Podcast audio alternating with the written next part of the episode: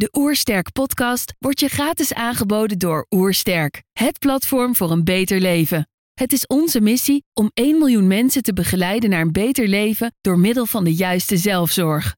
Wil je weten hoe jij kunt werken aan een beter leven? Ga dan naar www.oersterk.nu gezondheidscheck voor onze gratis gezondheidscheck en krijg direct jouw uitslag met persoonlijk advies. Hoi, mijn naam is Marjolein Berendsen en je kijkt naar de Oersterk podcast. Je hebt een druk bestaan en je wordt vaak.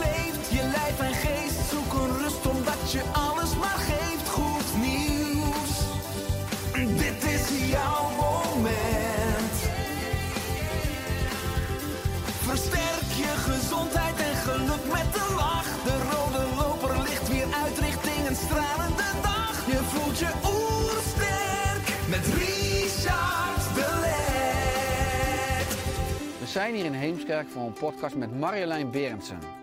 Marjolein is oprichter van Soma-opleidingen en auteur van het boek Holistisch Leven, moeiteloos gelukkig zijn. Ik ben benieuwd naar haar tips voor een beter leven. Trouwens, geniet je van onze podcast? Laat dan een reactie of review achter.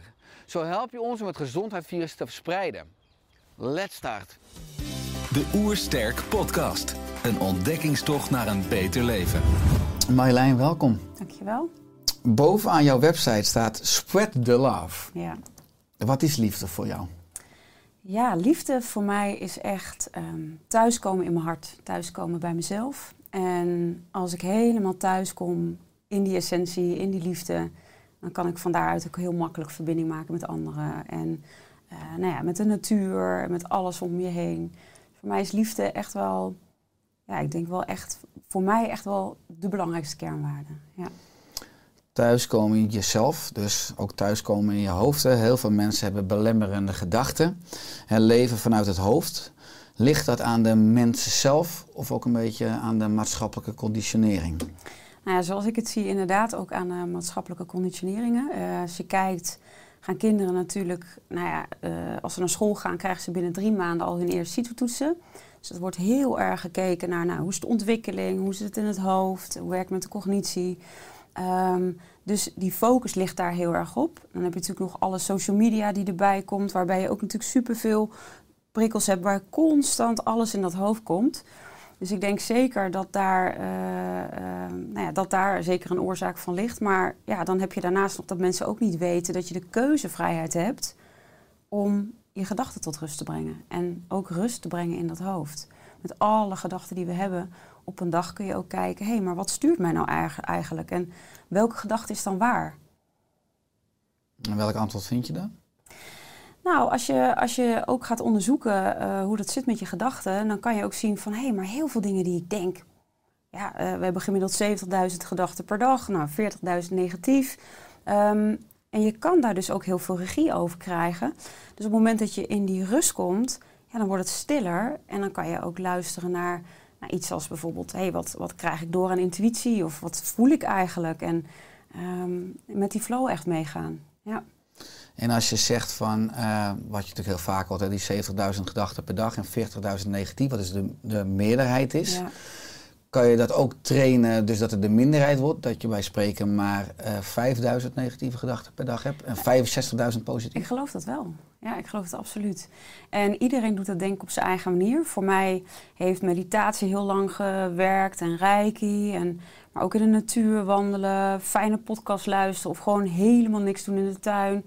Als je echt goed gaat voelen, oh ja, als ik thuis kom in mezelf, hoe zorg ik dan eigenlijk goed voor mezelf?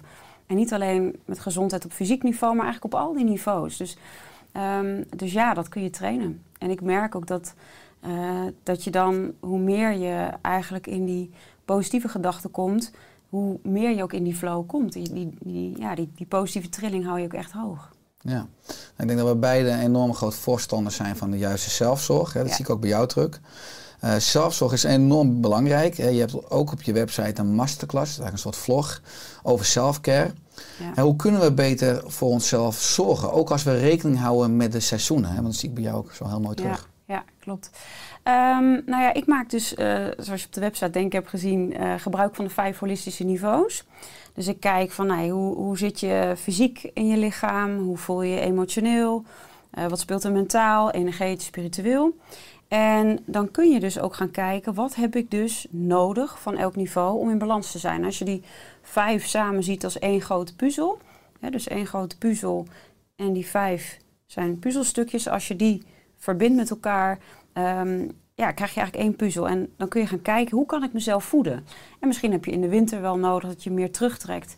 En misschien in de zomer dat je zegt, ja, ik ga juist naar buiten en ehm, ik ga de natuur in. En zo kun je eigenlijk ook heel erg spelen met wat heb ik op dit moment nodig om mezelf te voeden en vanuit welke niveaus eh, ja, heb ik die voeding nodig. Ja, het gaat dus voor in de kern maar, om zelfonderzoek. Ja. En zelfonderzoek is enorm belangrijk om te weten wie je bent en dus ook om te weten wie je niet bent. Ja. Waarom zit deze wijsheid niet in het basisonderwijs? Als je zegt net hè, dat kinderen na drie maanden al de eerste CITO-toets krijgen, eh, dat is eigenlijk totaal niet relevant in de context van het zelfonderzoek. Nou ja, dat is echt wat ik al, al heel hele tijd roep. Eh, is echt gewoon, eh, begin daar inderdaad mee met dat basisonderwijs. Dat kinderen al in een klas gaan voelen. mijn dochter bijvoorbeeld is super hooggevoelig, zit ze in een klas met 33 kinderen. En ehm, er zijn onwijs veel prikkels. Eh, ja, eh, hoe gaat ze met die prikkels om? Eh, hier gebeurt wat, daar gebeurt wat. Ondertussen moet ze een toets maken. Oh, er komt nog iemand binnenlopen. Dus het is zo jammer dat eigenlijk niet de basis is van... hé, hey, kinderen, ga eens eerst zitten. Begin eens even rustig bij jezelf uit, thuis te komen. En voel eens, hé, hey, wat heb ik op dit moment nodig? En dan dat je misschien wel een meditatie opzet... of misschien wel reiki doet of een simpele aardingsoefening. Maar dat je inderdaad dat al bij kinderen oppakt. En dat doe ik natuurlijk bij mij al.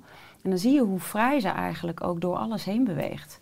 Dat is echt heel mooi, vind ik, om, uh, om te zien. Ja, maar helemaal met je eens dat dat... Uh, dat ik, ja, ik zou, vind het ook heel erg nodig.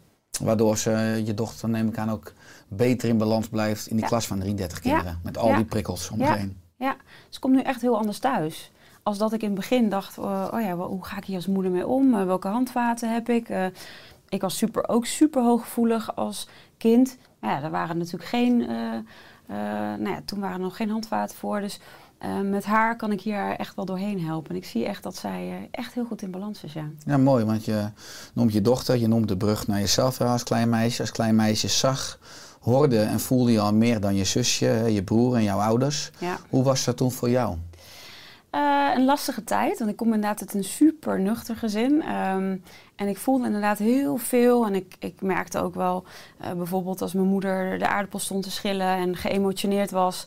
Uh, dan vroeg ik aan mijn moeder, goh mam, wat is er? Wat, wat, ben je verdrietig? Nee, ik ben niet verdrietig. En dan door met die aardappels zo schillen. En, en dus ik merkte aan mezelf dat ik dacht, oh, ik zal het wel niet goed hebben gevoeld. Dus langzamerhand ging ik wel steeds meer onderdrukken van die gevoeligheid. Maar in de puberteit knalde dat er natuurlijk weer uit. Toen dacht ik, ja, ik moet hier wat mee. Maar ook dingen die ik zag gebeuren. Op een gegeven moment een treinongeluk. Uh, zaten we in de trein en ineens zag ik een treinongeluk gebeuren. En ik was helemaal van slag, dus ik vertelde dat tegen mijn tweelingzus. En uh, nou, we kwamen aan. En uh, s'avonds gingen we weer terug, we zaten op zangles. En zag ik precies op die plek waar ik dus dat beeld had gehad, zag ik een trein met een rode auto die ik ook voor me had gezien. En we konden dus niet terug naar onze woonplaats Dieren. Op dat moment dacht ik echt, oh wow, hoe kan dit? En, en uh, dat vond ik echt zo eng dat ik inderdaad naar iemand toe ben gegaan in de hoop er vanaf te komen. Maar zo werkt dat natuurlijk niet. In ieder geval, uh, ja, die gevoeligheid die hoort gewoon bij je. En nou ja, daar heb ik heel wat jaren over gedaan om dat te ontwikkelen uh, tot de kracht waar, waar ik nu eigenlijk in sta. Ja, ja want wat ik wilde vragen is hooggevoeligheid een kracht of een zwakte? Het is natuurlijk afhankelijk van de context Ja. en van je eigen honger naar groei misschien. Maar ja. ja, voor mij is het echt mijn kracht. Ik kan door die hooggevoeligheid uh, nou ja, zo mijn opleidingen leiden. Ik kan, uh, ik kan er zijn voor mij, ik kan er zijn voor mijn partner. Ik kan aanvoelen wat mensen nodig hebben. En ik kan tegelijkertijd ook leren van, oh ja, wat heb ik zelf nodig en hoe kan ik er voor een ander zijn, maar wel echt heel goed blijven zorgen voor mezelf. Dus ja, ik ben echt een verbinder en, en ik vind het fijn om mensen te helpen. En ik denk dat dat met die hooggevoeligheid ook heel goed van pas komt. Ja. Nou, als je het hebt over hooggevoeligheid, uh, dan veel prikkels of uh, chronische stress. Hè. Afgelopen jaar hebben enorm veel mensen chronische stress en burn-out klachten. Zag ik ook een stukje terug op jouw website. Ja. Wat kunnen deze mensen op holistisch vlak doen? Ehm, nou, misschien is het goed om dat holisme nog even iets meer eh, uit te leggen. Als ik kijk naar eh, fysiek niveau, ja, natuurlijk denk aan, uh, daar weet jij nog meer van dan ik, maar inderdaad met gezonde voeding, maar ook bewegen, goed slapen, goed voor jezelf zorgen, echt allemaal op fysiek niveau. emotioneel is iets wat, denk ik, best wel een ondergeschoven kindje is in Nederland. Ehm, dat trauma's worden weggestopt of pijnen. Ehm, uh, dus dat emoties niet goed gereguleerd worden, waardoor dat constant in het systeem zit of heel erg onderdrukt wordt en nou ja, dan ook zorgt voor overlevingsmechanismen, patronen en dergelijke. Dus kijk je naar burn-out, um, klachten zie je vaak op emotioneel niveau. Uh, mensen die um, ja, uh, heel erg faalangstig zijn van kan ik het wel? Of oh jee, ik kan niet uitvallen. Um, maar ook heel verdrietig zijn of ontzettend prikkelgevoelig, uh, prikkelbaar. Dus, dus, dus die boosheid. Um, dus dat zie je op die twee niveaus. Ja, mentaal zie je toch ook wel dat er heel wat gaat gebeuren met overtuigingen, overlevingsmechanismen, patronen. Um, denk aan, uh, nou, huppatee, schouders eronder, ik kan het wel. Nou, niet zo aanstellen en maar doorgaan. Uh, ik ben moe, maar ik moet door met alle to-do's. Dus mentaal zie je dus dat veel mensen zich op die manier ook echt uitputten energetisch onderschoven, echt een ondergeschoven kindje, denk ik, is dat er veel mensen die gevoelig zijn, um, hun energiehuishouden niet op orde hebben. Dus uh, dat het glas sneller leegloopt. Maar waar vul je je glas dan mee? Dus waar, hoe laat je je batterijtje op? En hoe zorg je dat je um, weer zorgt dat je, je energielevel 100% wordt? Dus doe je de dingen waar je niet blij van wordt. Loop je leeg op situaties of anderen. Neem je energie over nou, dan, dan gaat die burn-out ook alleen maar sneller. Um, een spiritueel niveau gaat eigenlijk waar komt die oorzaak vandaan? En als ik kijk, ik heb ook wel tegen een burn-out aangezeten, uh, meerdere fasen denk ik in mijn leven. En mijn diepste oorzaak, mijn diepste angel zat wel ergens in het gevoel van, ik ben niet goed genoeg, ik ben het niet waard om van te houden. Dus ga ik nog harder mijn best doen, ga ik mentaal uh, mijn mannetje staan. Ik zorg wel dat ik altijd uh, uh, vrolijk ben als iemand vraagt aan mij hoe gaat het. Ja, goed hoor. dus um, in die zin zie je dus op al die niveaus dan uh, dat eigenlijk doorgaan. En de kunst is dat je al die niveaus gaat leren voeden. Dus heel veel mensen zie je pats bij een burn-out weer helemaal uh, in het niets terechtkomen. Eigenlijk heel erg bij zichzelf. En daar komt dan ook het moment van de vrije val. Van ik laat alles los en wow, wat ontstaat er? Dus ik zie ook bij ons in de opleiding 50% heeft een burn-out gehad. En die zegt, het is tijd voor iets anders. Ik heb alles laten gaan en uh, ik ben zo niet in balans. Ik wil weer balans. Dus ik begin vaak op fysiek niveau gezond te eten, sporten, et cetera. Met uh, emotioneel niveau ga ik naar iemand toe om mijn emoties te reguleren. Ik ga met mijn trauma's aan de slag. Uh, mentaal ga ik mijn gedachten onderzoeken. Ik ga misschien werken met affirmaties en intenties. Ik ga naar interessante podcast luisteren. Um, dus op die manier mentaal jezelf voeden. Ik lees de juiste boeken. Um, uh, energetisch dat je gaat kijken. hey, oh ja, um, ik heb nu zoveel dingen op een dag. Nee, dat ga ik toch anders doen. Ik ga dat beter reguleren. En op spiritueel niveau komt er misschien een moment dat je thuis komt bij jezelf en denkt... Ja, wat wil ik nou eigenlijk met mijn leven? En oké, ik heb dit nu gedaan. Het leven is, roer is omgegaan. Maar wat wil ik dan? En dat je een soort van zielsmissie gaat volgen. Nou, dat pad ben ik ook ingegaan. Nou ja, na dus een zwaar auto-ongeluk uh, heb ik ook echt mijn zielsmissie gevonden, ja. Ja, daar kom ik zo nog even op terug. Want wat ik boeiend vind in wat je schetst... is dat we ons over het algemeen als mens in het Westen enorm hoog ontwikkeld vinden. Nou, ook als ik kijk hoe ik zelf hè, opgeleid ben in de reguliere geneeskunde... en in de artsenkamer... Nou, ik heb echt wel het gevoel dat we enorm slim zijn. Dat we absoluut het fysieke domein omarmen. Hè? Maar als ja. het gaat over mentaal, emotioneel, energetisch, spiritueel, dat we dat een beetje wegwuiven of weglachen ja. of een beetje ja. zweverig over doen.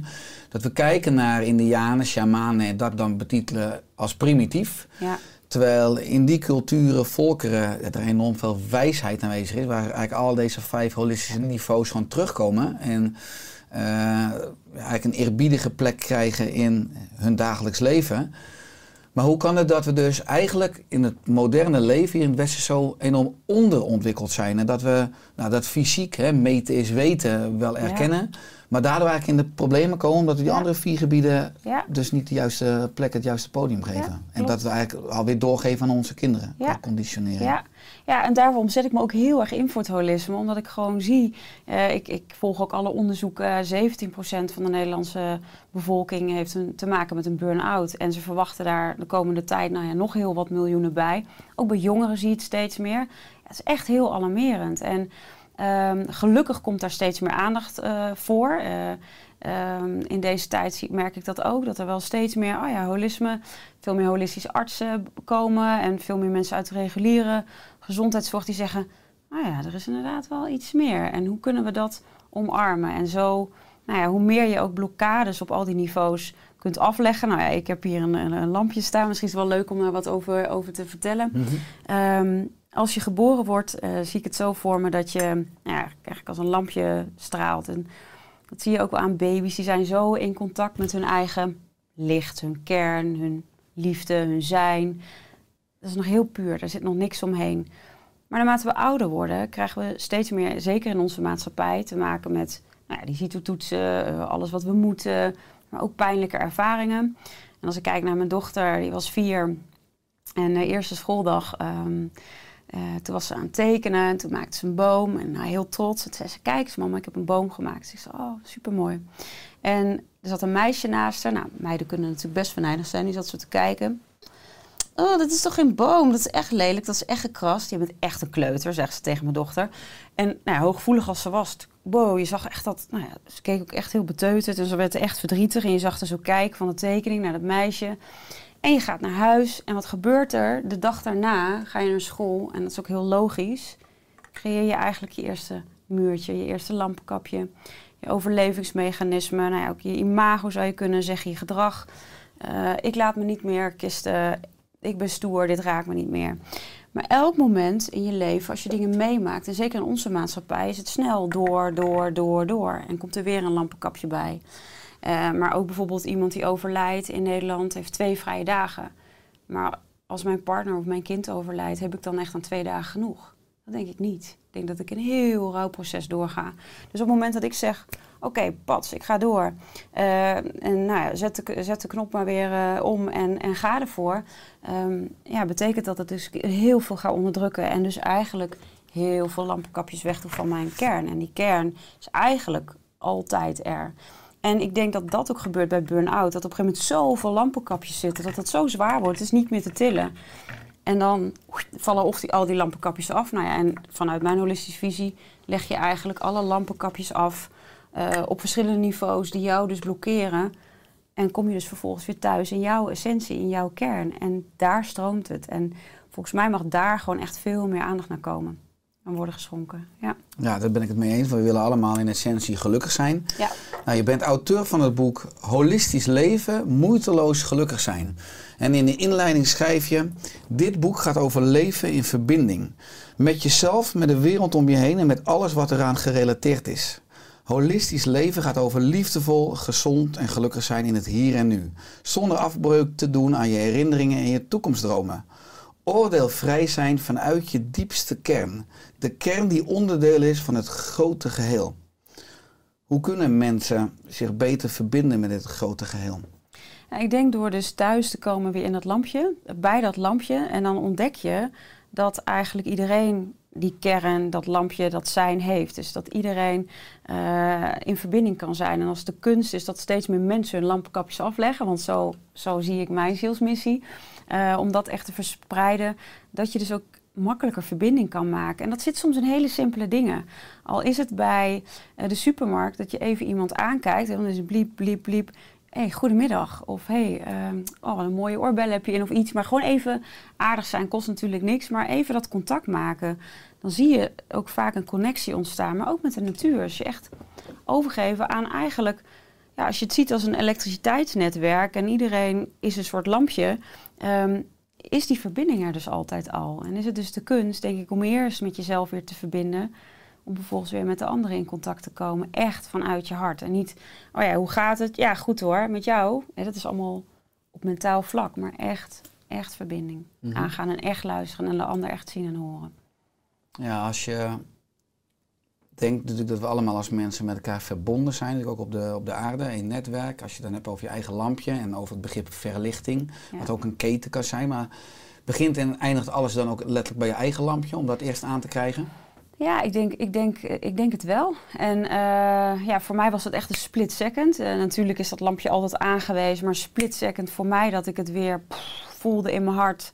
Eigenlijk het uh, diepste moment in mijn leven dat ik na de scheiding echt zo diep zat. Dat nou ja, ik bij Gangertje op podium zat en toen zei ze echt, te midden van al deze pijn en ballast, wat is er nu in je hart? En op dat moment voelde ik zoveel liefde en licht. En mijn, en mijn leven was een puinhoop. Ik voelde me zo gefaald. Nooit wat ik wil natuurlijk voor, voor mijn dochter. Maar dan kun je weer... Uh, ik kwam echt weer thuis in mezelf. En van daaruit kan ik ook pas andere lichtjes aansteken. En natuurlijk is dat ook onbewust op momenten. Het is niet dat er of lampenkapjes zijn... of, uh, of, of het lampje zonder lampenkapjes. Want ja, het lampje is er ook... Uh, als je... Nou, misschien als je kind wordt geboren... of bij een zonsondergang of in de tuin werken of een grapje waar je om lacht of mooie muziek of meditatie. kun je natuurlijk heel erg in verbinding zijn. Maar vanuit daar is het wel makkelijker om al die lampjes te voelen en mee te dragen aan meer bewustzijn. Dus je straalt meer licht en zo kun je andere mensen ook weer in dat licht zetten. Ja, ja je noemt nu een aantal traumatische momenten hè, die hm nou ja, wat ik ook las, ook in je boek. Hè, je trouwde in 2009. Ja. je kreeg in 2011 je dochter Maya. Ja. En een jaar later gingen jij en je partner ja. naar een relatie van 15 jaar uit elkaar. Ja. Uh, dit was een traumatisch moment. Hè, en net als een treinongeluk wat je benoemt en meerdere auto-ongelukken. Ja. Toch hebben deze momenten je veel gebracht. Hè, wat je zegt is slachtofferschap, uh, wat veel mensen ervaren, dan een verkeerde interpretatie van de medaille? Um, ja, ik denk dat, uh, dat je een keuze hebt in hoe jij met de dingen omgaat. Dus je hebt mensen die dingen hebben meegemaakt in hun leven, die daar altijd slachtoffer van blijven. Uh, en daardoor ontneem je jezelf de regie en de keuze die je hebt om de mooiste versie te zijn, maar ook je mooiste leven te leven. En ik heb elke keer gedacht, oké, ik heb dit meegemaakt. Wat kan ik hieruit leren? Wat is de zingeving? Um, ja, ik heb ook best wel traumatische dingen in mijn jeugd meegemaakt. En uh, tegelijkertijd heeft me dat zo weer gebracht bij, um, bij de essentie. Dat je ten alle tijden, wat je ook meemaakt, altijd die liefde en dat heel en compleet zijn kan voelen in jezelf. Wat er ook gebeurt. Dus het slachtofferschap. Um, ja, maar ik heb dit meegemaakt, daar kan ik niks aan doen. Ja, ja, maar uh, jij hebt makkelijk praten, want dit en dit en dit. Die hoor ik natuurlijk ook wel. Um, maar echt waar, als mensen mijn weg horen, ik heb niet alles in detail in het boek opgeschreven, weet ik niet of heel veel mensen nog zouden willen ruilen. Dus echt, ik hoop dat ik een inspiratie ben om niet in je slachtofferstuk te gaan, maar juist het gaan omzetten in een vrije val. Van ik weet niet wat er gaat komen, maar ik ga dwars door het zelfonderzoek heen, ik ga dwars door al mijn trauma's heen.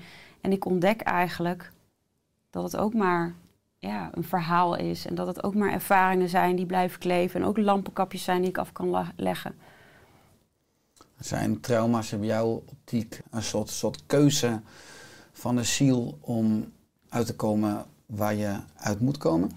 Ik denk, uh, als ik voor mezelf spreek, absoluut. Ik denk de dingen die ik heb meegemaakt en juist ook zo diep te hebben gezeten dat mensen waren die een hand uitstrekten. Dat ik voelde van ja, ik tik nu de bodem aan, the only way is up. Mhm. Dat het voor mij zoveel innerlijke kracht gaf. En ook zo'n diep die zielsmissie van ik ben hier gekomen om mensen te helpen. En uh, de wereld echt een stukje mooier te maken. En dan is dat op zo'n kleine schaal. Um, maar dat is wel echt, dat is zo aangewakkerd juist door die pijnen, juist door die trauma's. Dus in mijn geval zou ik zeggen ja.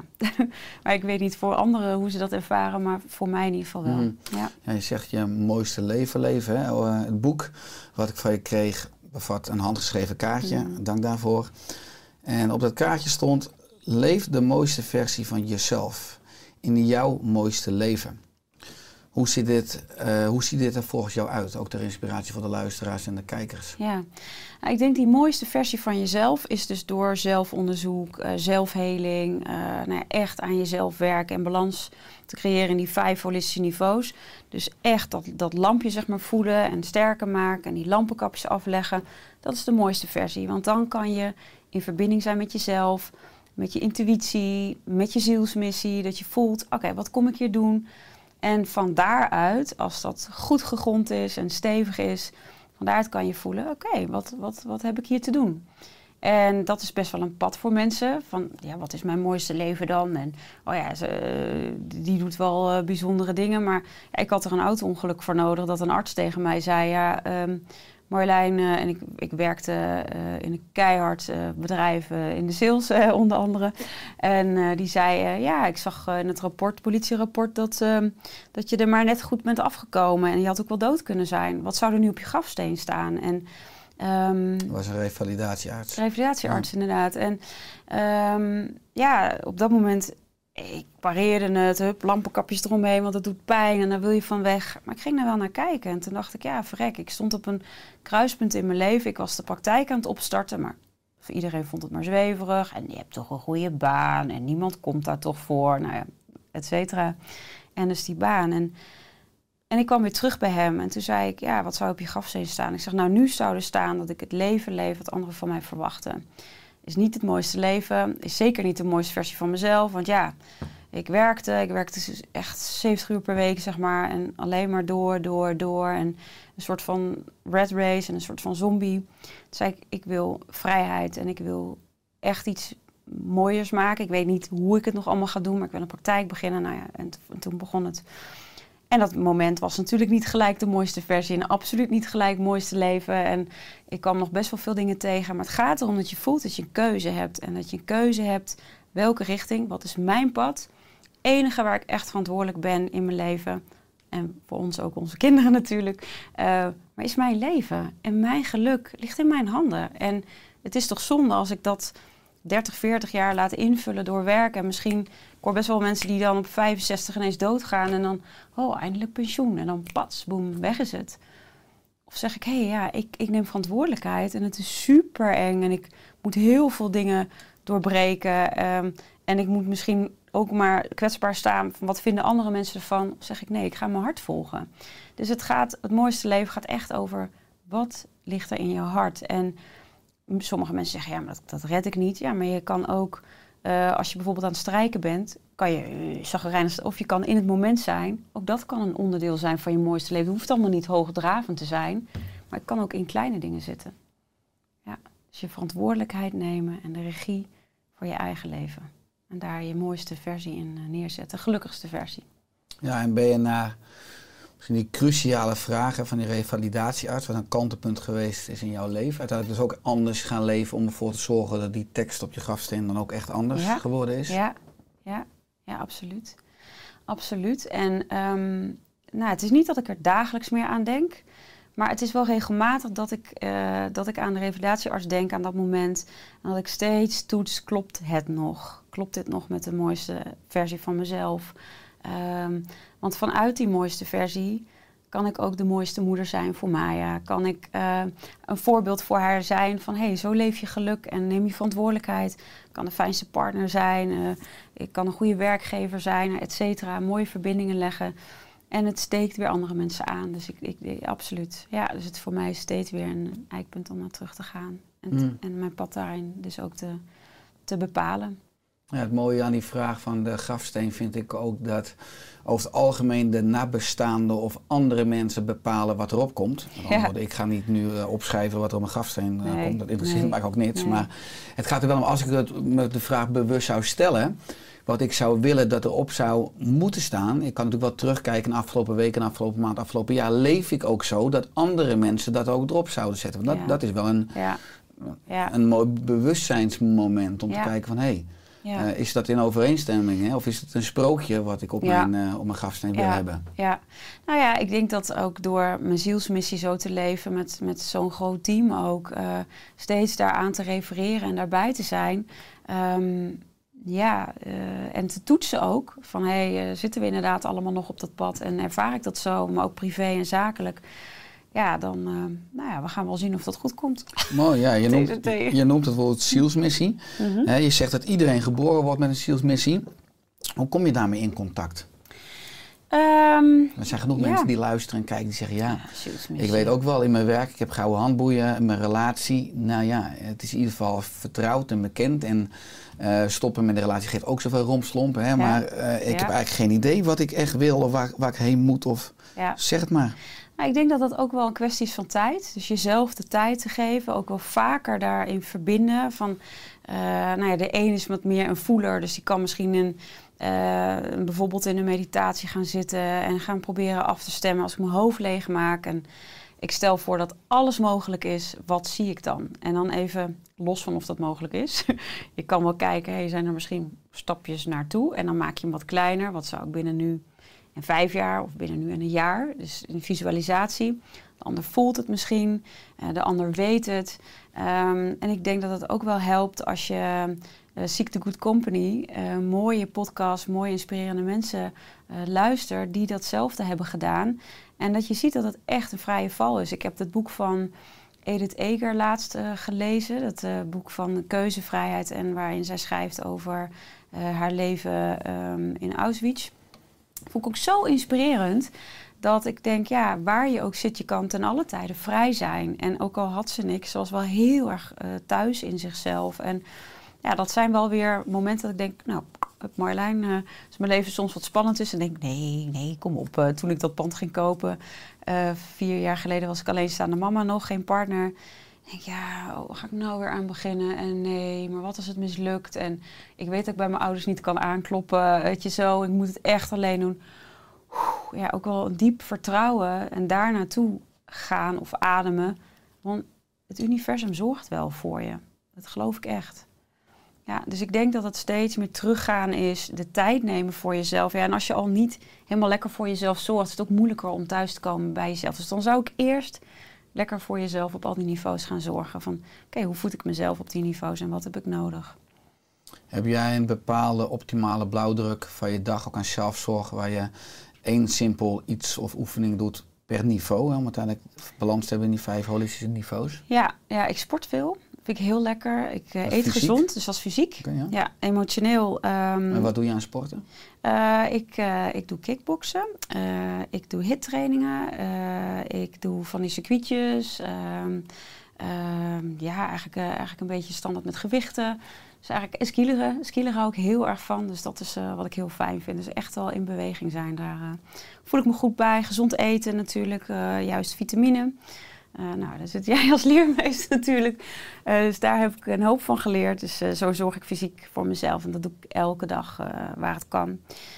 emotioneel, um, ik heb een ja, hele, hele mooie mensen om me heen, denk die ook emotioneel mij uitdagen. Maar ook waarbij ik voel, waar ik een aantal goede vriendinnen die ik echt wel veel spreek. Ook, hey, hoe is het met jou? Of stuur je even energie of gewoon met elkaar bezig zijn. Die emotionele verbindingen vind ik echt heel fijn. Um, maar dat is ook een stukje mijn handen op markt leggen, de dankbaarheid voelen, de dag afsluiten of uh, s ochtends al beginnen met een meditatie. Dat zijn wel de dingen die ik doe.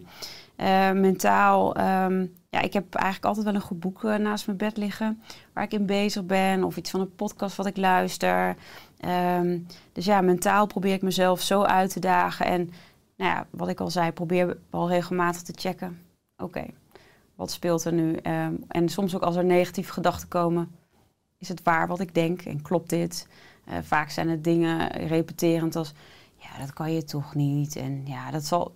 En dan denk ik, oh, maar dit is oud. Hier hoef ik helemaal niks mee. Dus ook echt bewust te zijn van mijn gedachten. Dus dat zelfonderzoek zit ook heel erg op mijn mentale vlak. Um, energetisch, nou ja, dat doe ik natuurlijk door Reiki. Uh, maar ook te kijken, hey, uh, waar krijg ik energie van? Doe ik die dingen ook? Of ben ik weer heel druk? Want ja, een bedrijf aansturen is soms best pittig met een boek en nou ja, stichting nog erbij. Dus dat is soms best wel veel. Oh ja, stop. Hey, waar krijg ik energie van? Waar loop ik op leeg? Zijn er misschien mensen die me daarin kunnen helpen? En spiritueel, ja, dat is dus weer die verbinding met, um, nou ja, met mijn zielsmissie, maar ook uh, als ik ga slapen, uh, nou ja, ik heb uh, super mooi bij Els van Stijn ook veel nou ja, familiesystemisch werk gedaan, zeg maar. En dan stel ik voor dat mijn moeder achter me staat en mijn vader. En dan zie ik zo de hele lijn vormen. En dan nou ja, bedank ik mijn voorouders. En meestal Auteur van De Fontein, ja. ja. Onder andere. Ja, ja en, dan, ja, en dan krijg ik ook wel s'nachts weer inspiratie door. Dus het icoon wat je op het boek ziet voorop, dat is s'nachts ook doorgekomen, zeg maar. Ja, dat ja, het is heel bijzonder hoe dat dan weer werkt. Dus ja, zo voed ik mezelf. Ja, het is eh, een verlengstuk van het spirituele, hè, want je hebt een diep gewortelde missie. Ja. Het verspreiden van licht, liefde en bewustwording in al jouw werk. ja. Hoe is deze missie eh, ontstaan? Ja, wat ik al zei, ik denk juist door steeds die, die nou ja, met mijn gezicht, eh, eh, met mijn neus op de feit gedrukt door die traumatische ervaringen, denk ik ook steeds weer van ja, maar waar gaat het nou werkelijk om? Als je alles kwijtraakt en, eh, en dat auto-ongeluk ook. Ja, ik, ik zat in een tollende auto op de snelweg en je kunt niks en je weet niet of het het laatste moment is. En op dat moment, nou ja, wat ze ook wel zeggen, mijn leven vloog ook aan me voorbij. Dat ik dacht, dat, ja, waar je dan aan denkt is, oh, eh, ja, weet je, in, in mijn geval de, de mensen waar je van houdt, liefde. En ehm, nou ja, hopen dat je er goed uitkomt. En eh, dus in die traumatische momenten merkte ik dat het steeds ging eigenlijk over weer teruggaan naar, naar mijn hart en daarop afstemmen. En gaat het helemaal niet om status, geld, baan, succes, dat soort dingen, maar echt over ja, verbinding eh, met je hart, met, met anderen. En toen kwam ik, eh, nou ja, dat licht dat werd al snel duidelijk eh, door het lichtje, eh, die visualisatie te hebben gehad en het inzicht. Ja, bewustwording is voor mij gaat hand in hand. Want als ik niet bewust ben van wat er is, ja, dan weet ik ook niet of ik lampenkapjes heb. En dan weet ik ook niet of ik eigenlijk reageer vanuit mijn kern of vanuit eh, overlevingsmechanismen, mijn imago, mijn strategieën, gedrag, ja, et cetera. Ja. Ja, want om te refereren naar dat lampje, die kern is er altijd. En dat Ja. lampje brandt altijd. En Ja. we kunnen die lampenkappen overheen, omheen zitten. Eh, ik lees ook in je boek, waar je werkelijk naar verlangt, is dat wat je altijd al hebt. Ja. Wie je werkelijk bent, is altijd al heel en compleet. Waarom voelen veel mensen dit niet en zoeken ze overal buiten zich naar een oplossing? Ehm, nou, ik denk dat op, op het moment dat je eh, geboren wordt en je wordt ouder en je krijgt dus te maken met al die lampenkapjes, dan ben je ook uit verbinding met dat licht. Eh, ik was altijd een heel nuchter gezin, wel heel warm gezin, maar we praten niet over emoties of over gevoelens. En ehm, ik, ik, maar ik wist dat mijn ouders dol op me, waren, eh, maar ik hou van je werd bijvoorbeeld niet zo vaak gezegd. Dat was in die tijd, eh, ook in ieder geval in mijn tijd, niet zo. Ehm, dus het bewustzijn van, hé, maar je bent eigenlijk al heel incompleet. Nee, maar het moet beter. Of ik moet dat hebben. En als ik dat heb, dan, dan kan ik dat. Ja, maar dan moet ik misschien ook wel even dat. Of dan moet ik ook misschien wel eh, nog beter, succesvoller zijn. En dan zit je dus in de energie, ja, ik ben dus niet goed genoeg. En in mijn geval was het natuurlijk ook anders zijn met mijn hooggevoeligheid. Ehm, dus dan ga je alles doen om uit de buitenwereld te voelen dat je wel goed genoeg bent. En dat ik wel oké ben. En dan ga je, ik ging het zoeken in werk. Super hard werken, joh. Ik, eh, nou ja, nog steeds kan ik veel, eh, ik heb veel energie, dus veel uren maken. ehm, of in relaties, of in, eh, nou ja, ook wel eten natuurlijk. Oh, nou, eh, de emotieeters, of, of, of, of in drank, of in wat voor manier dan ook. Daar zoek ik het in, of het vele sporten. Ehm, want dan voel je je zo, zo goed daarna. Maar uiteindelijk gaat het erom dat je weet, ja, maar het is er toch al. Als ik kijk naar een baby, dan zie ik toch ook gewoon, het is er, geen zorgen, ik ben bij mezelf. eh, in die leegte, is liefde, is licht, het is er al. Dus ik denk dat daar veel meer de focus op gelegd mag worden. Ja, waar streef je nou naar als je doodgaat? Wat neem je mee dan? Van alles wat extern is. Je komt alleen, nou ja, in mijn geval niet, want ik ben natuurlijk een helft van een tweeling. En als het goed is, ga je alleen. Dus wat neem je mee? Ja, eigenlijk kwijt dat je al heel incompleet bent. Ja, maar met je al jouw kennis, informatie, wijsheid, hè, ben je gaan integreren ook in een opleiding. Je bent oprichter van SOMA-opleidingen Ja. met inmiddels meerdere vestigingen. Ja. Eh, hoe is deze opleiding tot holistisch therapeut ontstaan? Eh, nou, ik was eh, eh, ja, holistisch energetisch therapeut. Dus ik heb verschillende opleidingen gedaan. Coachopleidingen, familieopstellingen, systemisch werken. nou ja, echt van alles en nog wat. Zie je ook in je boeken, de Sedona-methode, Ja. Emotion Freedom Techniek. Ik zie een enorm buffet langskomen Ja. aan. Heel veel Ja. gedaan. En toen was ik echt nog ook heel erg zoekende naar... Oh ja, in deze techniek vind ik het of daar. En toen op een gegeven moment werd ik gevraagd om les te geven... bij verschillende instituten. Maar elk instituut zei... eh, dus eigenlijk eh, gespecialiseerd op fysiek of emotioneel... of meer mentaal, eh, energetisch, spiritueel. Ja, maar dit is het. En op een gegeven moment als je dan overal les geeft... dacht ik, ja, maar als ik het alleen maar energetisch benader, dan vergeet ik wat er eigenlijk mentaal gebeurt. Ja, maar mentaal heeft ook invloed op fysiek. Eh, ja, maar dat heeft ook invloed op mijn zielsmissie en ook em- emoties. Dus ik merkte op een gegeven moment van, ja, maar eh, eh, als we het nog steeds zo klein houden, dan heb je dus nog steeds niet het geheel. En toen ben ik over holisme gaan lezen, wat eigenlijk toen net een beetje bekend werd. En toen dacht ik, wow, ja, maar dit is het, de holistische visie. Dit, dit, dit moet ik uit gaan dragen. En dat droeg ik ook steeds meer uit in mijn praktijk. En toen zei iemand tegen mij van, wordt het niet tijd voor je eigen opleiding, Marjolein? En eh, toen heb ik een heel onderwijskundig team in de arm genomen. Zijn we gaan schrijven en eh, komen dus ook al die technieken in naar voren. eh, omdat het eh, eigenlijk voor die, al die niveaus vertegenwoordigt. Hè? Want je kan iemand in je praktijk krijgen die emotionele problematiek heeft. Nou, dan start je op dat niveau. Breng je dat in balans, heeft dat invloed op je gedachten, je energie, spiritueel en fysiek. Nou ja, en zo kun je eigenlijk al die combinaties maken. Vind de juiste ingang, de angel. En zo kan je iemand weer in balans brengen. En nou ja, dat begon bij één groepje in de woonkamer. ja, en toen, eh, oh, dat zat zo vol. Ik denk, nou oké, eh, door. Het was geaccrediteerd en nou ja, op HBO-niveau. En eh, nou ja, zo is dat uitgegroeid. En nu, ja, ze hebben we een team van 32 man. En leiden we zo'n, ja, wat is het? 1200, 1500 holistische therapeuten op per jaar. En eh, starten er dus zoveel, zeg maar, en eh, zo'n 5000 mensen die Reiki volgen. Nou ja, online cursussen. Ja, ineens werd dat steeds groter. En ja, dat is ook wel echt waarom ik mijn missie zo wilde voortzetten. De passie is een beetje uit de hand gelopen dus. ja, want ik merkte ook dat ik in één op één sessies, ik had er eh, nou ja, gemiddeld iets van, nou, denk ik iets van 36 tot 40 cliënten in de week. En daar zaten mensen bij met echt diepgaande vraagstukken, die ook echt verantwoordelijkheid voor hun leven wilden nemen en regie namen. Maar ook wel mensen die zeiden, ja, ik heb eh, last van mijn knie, kun je het even behandelen? En dan weer later weer terugkwamen, ja, ja, ik zit wel tegen die burn-out aan. Oh ja, met Reiki wordt het wel wat beter. Oh ja, maar ik ben nu wel meer gaan werken, dus ik heb nu wel weer last. Dus het voelde, ik dacht, ja, maar nu worden mensen afhankelijk van mij. En dat wil ik niet. Ik wil mensen in hun kracht zetten. Ehm, en toen merkte ik, ja, ik word eigenlijk veel blijer van opleiden. Want dan weet ik zeker dat ik de mensen heb die met bewustwording bezig zijn. Die met zichzelf aan de slag willen gaan. Die echt in zichzelf willen investeren. En ja, verantwoordelijkheid nemen om zo die mooiste versie te worden in je, ja, in je gelukkigste leven, hoe je het ook maar noemt. Ehm, dus ja, dat is uit de kluit eh, gewassen eh, eh, passie wat helemaal is gegroeid. Ja, nooit voor mogelijk houden dat het zo groot zou worden, nee.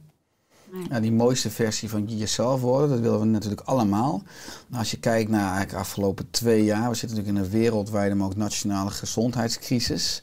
Ehm, hoe kunnen we in jouw optiek daar ook beter uitkomen? Hè? Of misschien zelfs als ik ook eh, dat van je boek vertel, hoe kunnen we uiteindelijk beter manifesteren? Zodat we met z'n allen bijdragen aan een betere wereld, ook voor onze kinderen. Ja, nou ja, die, die, eh, die eh, visie delen we allebei.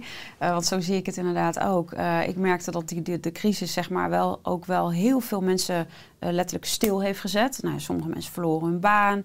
Eh, je moet ineens thuiswerken. Je bent ineens heel onheimisch van ja, hoe lang duurt het nog? En ik mag de straat niet op. En oeh, dat doet natuurlijk heel wat in het systeem.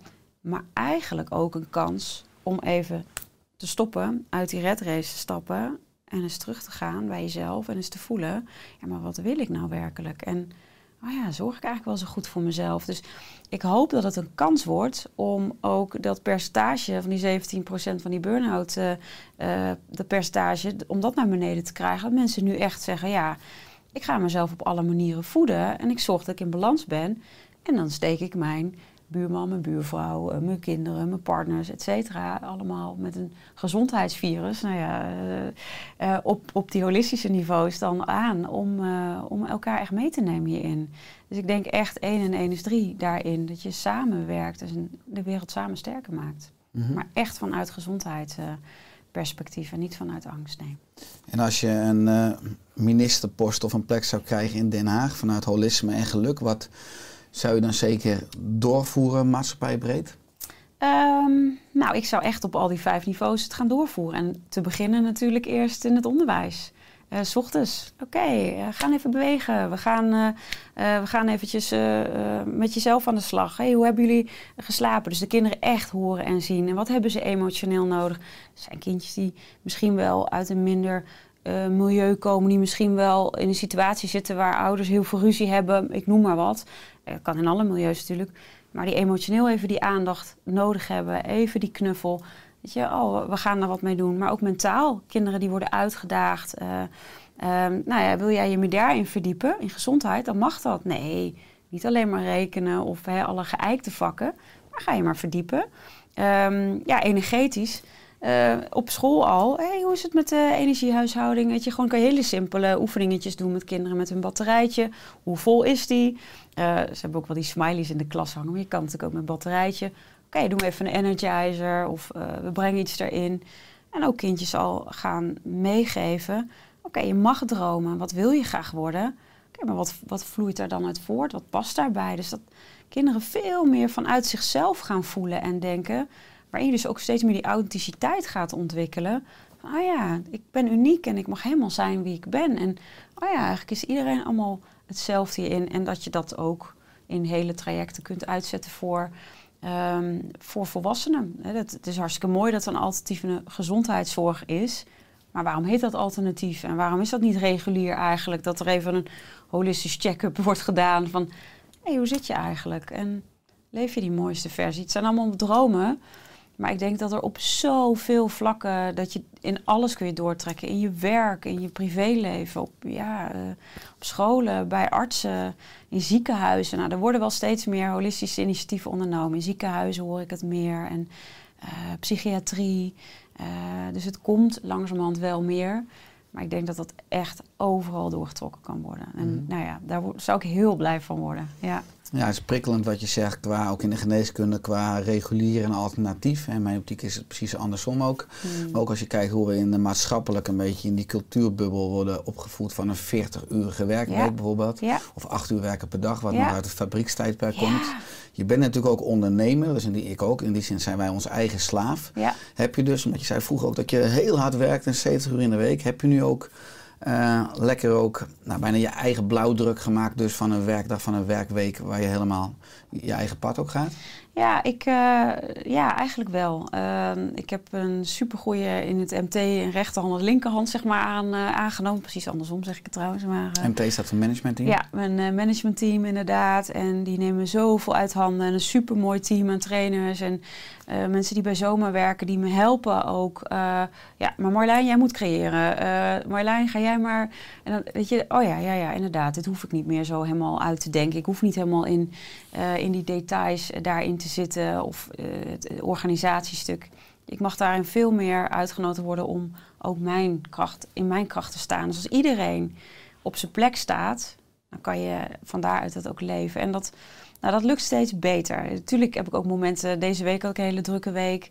En dan denk ik, oh ja, volgende week weer eventjes weer wat ruimte creëren. En alle vakanties die mijn dochter heeft, heb ik ook vrij. Dus zo probeer ik ook wel echt mee op te laden. En ja, daarin echt goed voor mezelf te zorgen. Dus ja, ik ben wel heel blij met... eh, ik zou niet meer voor een baas kunnen werken. Nee, eh, nee, nee. nee. Mooi, je zei net van het onderwijs ook dat je kinderen zou leren om al af te vragen van wat is je droom en waar, Ja. waar droom je over, wat is je mooiste droom. Als je kijkt naar volgend jaar en komende jaar, heb jij nog een bepaalde missie of dromen? Ja, eh, nou ja, sowieso de stichting wil ik verder uitzetten. Dat, ehm, wij geven reiki aan heel veel kwetsbare doelgroepen. Eh, blijf van mijn lijfhuizen, Ronald McDonald huizen, hospices. Nou ja, eh, dus alle mensen die wij opleiden bij Zoma, die, eh, nou, die hebben ook hun vlieguren nodig. Dat zijn allemaal mensen vanuit hun hart werken. Allemaal verbinders, ehm, lichte mensen, zeg maar, lichtwerkers. ehm. dus dat hoop ik echt in Nederland uit te zetten, zodat ook die kwetsbare doelgroepen ja, ook voelen van ja, het, het is niet uitzichtloos. Er zijn mensen die voor me klaarstaan. En dan is het soms even een hand op, op een knie eh, van, van iemand die in een verzorgingstehuis zit, die helemaal geen bezoek meer krijgt, die even voelt. Oh ja, ik, ik word nog gezien en ik word nog gehoord. Of, ehm, dus, dus dat vind ik heel belangrijk. Ehm, En als ik je mag onderbreken, Ja. kunnen mensen bijvoorbeeld eh, mensen die ze kennen die eenzaam zijn ook zeg maar, opgeven bij de stichting? Of hoe werkt dat? Hoe kom Ja. je uiteindelijk bij die eenzame persoon in het verzorgingshuis? nou ja, de, de, de, de organisaties. We, we proberen echt zoveel mogelijk organisaties te benaderen. En we hebben ja, natuurlijk met het opleidingsinstituut mensen door heel Nederland, maar ook België eh, en verder. Ehm, en dan echt overal te gaan verspreiden. En het mooiste is natuurlijk als we bij organisaties binnen zijn, want dan eh, heb je ook die bedding en kunnen we die continuïteit bieden. Dus dat is een belangrijke pijler. En ik ben bezig met een volgend boek, maar dat duurt nog eventjes. Heb je al een huidige werktitel? Uh, het gaat over hooggevoeligheid. Dus, uh, en er zal ook weer een, een, handboek en een werkboek zijn, ook weer meditaties. Dus uh, kinderboek ben ik mee bezig, maar dat is, die staat op iets lager pitje, want eerst wordt dat boek belangrijk. Die komt nou in 2022 of? Ja, ja, ja, ja, die komt in 2022. En um, nou ja, over twee jaar wil ik eigenlijk ook heel graag nog een pand in het zuiden, want we hebben ongelooflijk veel Belgen uh, die dan heel ver moeten rijden. Dus uh, dat hoop ik ook nog uit te breiden. En uh, ja, zo steeds meer het licht te verspreiden, mooie samenwerkingen aan te gaan. En ik denk echt, echt dat veld op alle vlakken dat licht, die liefde, bewustwording te verspreiden. En maakt mij niet uit hoe. Dus ik volg daarin ook wel de flow. Wat weer op mijn pad komt, ja, daarin. Ja, je noemt uh, een aantal dingen van je leven, van treinongeluk, auto-ongelukken. Nou, je hele ontwikkeling ook als mens, als ondernemer, als moeder, hè, met uh, je eigen opleidingsinstituut. Uh, je bent auteur, nou, je bent af en toe spreker. wat is nou het gekste of hetgene wat de meeste impact heb, heeft gemaakt op, jou, op jouw levensweg? De meeste impact? Um, ik denk toch wel echt de geboorte van mijn dochter Maya, ja. Ja, ik denk... 2011. 2011, ja, absoluut. Weet je, dat is... Nou ja, de, mensen die kinderen hebben, die, die weten... het is zo onbeschrijfelijk, zoveel liefde en licht als je kan voelen. En zij is misschien wel een van nou, mijn grootste leermeesters... omdat ze me elke dag heel simpel in het nu houdt. Of dan zegt ze inderdaad dus... Mama, jij bent toch eigen baas? Dus dan kan je toch ook zorgen dat je nu vrij bent, of niet? Weet je wel, echt zo. En dan uh, in, in, drukke tijden, ja, je hebt gelijk. Uh, dus op die manier ook zo, um, zo puur en zo nog dat in dat heel en compleet zijn. Mhm. En ik denk dat, dat en nou ja, Gangaji idem uh, is ook een echt grote inspiratiebron. Wie is dat? Want ik zag het natuurlijk wel ook, ik zag het op je website, ik ja. ook in je boek, maar het is een vrouw. Ja. maar ik ken haar verder nog niet. Nee, nee. zij, uh, zij was, uh, is, is inmiddels al in, dik in de zeventig. Um, maar zij heeft het boek geschreven, De Diamant in Jezelf. En dat gaat er eigenlijk over dat, nou ja, dat het dus eigenlijk al in je zit. En zij is vooral in Amerika en Australië en nou ja, echt, echt wel heel groot. En op een gegeven moment dan, nou ja, zo draagt ze het steeds meer over. Ik heb haar mogen ontmoeten. En toen zei ze ook van, nou, jij draagt dat weer voort in Nederland. En, ben in Amerika bij geweest. Je zat uh, bij... Oh. Nee, nee, ze kwam in, in Nederland. Je zat bij en, op het podium, hè? Zo, ja, dat was in ja, Nederland. klopt. En uh, Scandinavië ben ik, echt Europa ben ik echt wel haar afgereisd... Uh, om verschillende plekken haar te ontmoeten. En ik heb haar ook, nou ja, mogen interviewen. Dat was wel heel erg mooi. En ja, dat zijn wel echt voor mij steeds weer dat thuiskomen. En dat je dieper thuis kan komen. Dat je merkt, wow, ik kan nog meer licht stralen. En wow, dit, dit, is eigenlijk alles mogelijk, ook qua manifesteren. Weet je, het is, uh, je kan steeds meer in die, in die flow komen, in die positiviteit, in, in, in je liefde en je zijn. Ja. Als je het hebt over dat licht, hè, over liefde, over eenheid, over kracht. Uh, aan de andere kant is het natuurlijk licht en donker. Ik bedoel, ja. ook in het leven ook. Heel veel mensen, ook uh, nou, misschien de afgelopen twee jaar wordt het wat duidelijker zichtbaar. Er is ook zoveel macht en, en controle ja. en negativiteit. En uh, daar kunnen mensen ook helemaal in wegzinken, zeg maar, in complottheorieën. Ja. En nou, je kan helemaal in de rabbit hole. Ja. Uh, nou ja, ik, ik, ik, nou ja, ik weet ook altijd wel een beetje het licht uh, te behouden. Want alles is uiteindelijk in balans en relatief. Maar hoe is dat voor jezelf en hoe begeleid je mensen in, in hoeveel hoor je dat ook terug van mensen in de opleiding, dat juist nu ook mensen misschien extra uitgedaagd worden om uh, bij hun eigen ja. lampje te blijven. Ja, zeg omdat enorm. je beide extremen kan doorschieten. Nou ja, Zoma staat daar dus ook voor, voor licht en donker, zon en maan. Uh, omdat je echt beide nodig hebt. Dus het licht kan niet zonder het donker, man kan niet zonder vrouw. Weet je, gewoon de yin-yang uh, principe.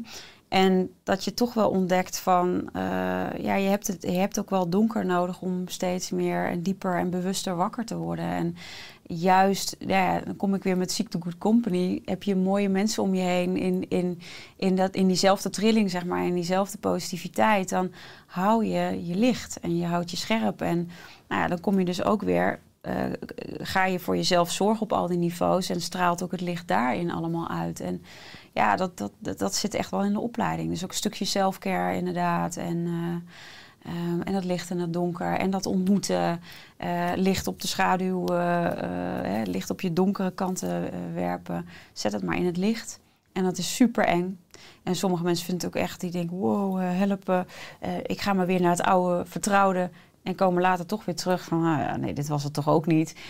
Ja, het is een beetje een matrix-verhaal. Eh, als je take de blue pill, de red pill, Mhm. weet ik veel wel- welke je ook weer in moest nemen. Maar je kan niet meer terug. Als je helemaal wakker bent, dan, eh, dan is er gewoon geen weg meer terug. Ik denk ook wel eens, oh, gewoon even lekker onbewust leven nu. Nee, oké, ik heb toch wel weer spijt als ik eh, een of andere hele ongezonde hamburger heb gehad. Dan denk ik, oh nee, ik voel het weer helemaal in mijn lijf. Eh, Dit, dit, dit gaat hem niet worden. Mhm. Dus het- ja, dat zijn wel weer mooie momenten. Van, ja, Marlijn, nee, kom werken. Blijf, blijf lekker gezond op alle niveaus. Ja, als je ontwikkelt, valt af en toe achter je gewoon een deur in het slot en dan kan je niet meer terug naar Ja. die oude werkelijkheid. Ja, Trouwens, grappig wat je zegt over SOMA-opleidingen. Dat staat voor zon en de maan. Ja. Dat, dat stond voor zonder Marjolein. Dat mensen los van jou komen. Maar oh ja, ook helemaal goed. Eh, Eh, Graag. nee, als je het hebt over ook dat collectieve bewustzijn, wat natuurlijk de afgelopen nou ja, twee jaar eh, ook natuurlijk wel enorm aan het groeien is. Hè, want uit chaos komt nieuwe orde. Geloof je ook dat liefde en de waarheid altijd winnen of overwinnen? Dat we uiteindelijk ook, nou, dat het ook alleen maar beter wordt, ja.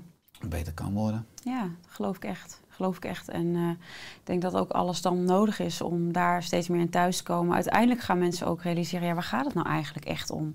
Als je momenten mensen, dierbaren verliest ook. eh, en dat je beseft van, ja, wat deed er nou eigenlijk toe? Je ziet heel veel mensen daarna reflecteren op een begrafenis of een crematie of eh, situaties van, ja, inderdaad, het is eigenlijk zo kort. En wie zegt dat het morgen nog is? Dus elk moment, elke dag is een nieuwe kans. Dus ik denk dat het, eh, dat het wel blijvend is. En tuurlijk zal licht en donkerder blijven. En is het de uitdaging aan jou om, eh, nou ja, om, om eh, daarin het, het midden te vinden. In die dualiteit. Ja, ja. gewoon te zijn. En, en, en tegelijkertijd vanuit die non-dualiteit te zien, het is er allemaal. En dat mag er allemaal zijn. Ja. Ik zie het als, weet je, als een soort oceaan. Je bent als de oceaan en eh, er zwemmen haaien, eh, je negatieve emoties en gedachten. En we zijn best wel gericht met, de, met onze maatschappij. Ja, dat mag je niet voelen, dat mag er niet zijn. Eh, Je moet succesvol zijn en beter. En, eh, en je positieve emoties, je dolfijnen, je, je fijne gevoelens. eh, die willen we. Maar hoe meer we dat onderdrukken, de, de haaien, hoe meer die naar boven komen. Maar die oceaan, wie jij bent, maakt niet uit of er dolfijnen, haaien, wat dan ook inzwemt. Het is er gewoon. Dus ook die emoties zijn er nog. En ik mag toch hopen dat als ik iemand die me heel dierbaar is, dat ik huil op een begrafenis. En dat ik die zware, donkere emoties voel. Omdat het ook, een, ja, weet je, ik eer die persoon, ik mis die persoon. Ik gun, zou die persoon alles gunnen weer. Ehm, ja, maar maar dat, dat, dus het is er allemaal. Alleen, ik hou me niet meer aan vast, constant aan die zwaarte of aan dat donkerte of eh, aan die negatieve sensaties of prikkels. Ja. Het laten doorstromen. Ja, Ja, het loslaten. Het gaat, weer, het gaat door je heen. Laat het maar gaan. Ja. mooi. Is er aan het einde van de podcast, Marjolein, nog iets dat je graag wilt toevoegen of aanvullen? Eh, nou, ik hoop dat het een bijdrage heeft kunnen zijn. Of dat mensen inspireert om echt, echt holistisch te gaan leven. En dat het zo mooi is. En ja, moeiteloos gelukkig zijn, dat klinkt leuk. Maar uiteindelijk gaat erom dat je voelt als je steeds meer daar in die flow komt. Dat ook steeds meer dingen als synchroniciteit in elkaar vallen. De juiste mensen ontmoet. eh, eh, dus ja, ik, ik gun iedereen echt. eh, ga naar je hart. Ga, kom thuis in jezelf, in het lampje. En ga echt, echt met jezelf. gun jezelf dat. Gun jezelf dat echt. Sterke afsluiting. Waar kunnen mensen meer vinden over jou, over je boek, over SOMA-opleidingen? Eh www.zomeropleidingen.nl. Daar vind je alles over de opleiding holistisch therapeut, reiki, online cursussen, eh, coach, eh et cetera. Marjoleинberends.nl vind je informatie over de boeken. En op Stichting Zoma alles wat ik vertelde over de stichting om nou ja, alle mensen in Nederland ook daarin de kwetsbare doelgroepen ook, ook licht en liefde te gunnen. Dus, dus dat. Ja, Nou goed. Dankjewel Marjolein voor je komst in de Oerstuk podcast. Dankjewel. Heel dankbaar. Met liefde en dat we samen nog maar bruggen mogen bouwen naar Ja. een wereld eh, waarin iedereen moeiteloos gelukkig mag zijn. Ja, absoluut. Dankjewel. Dankjewel.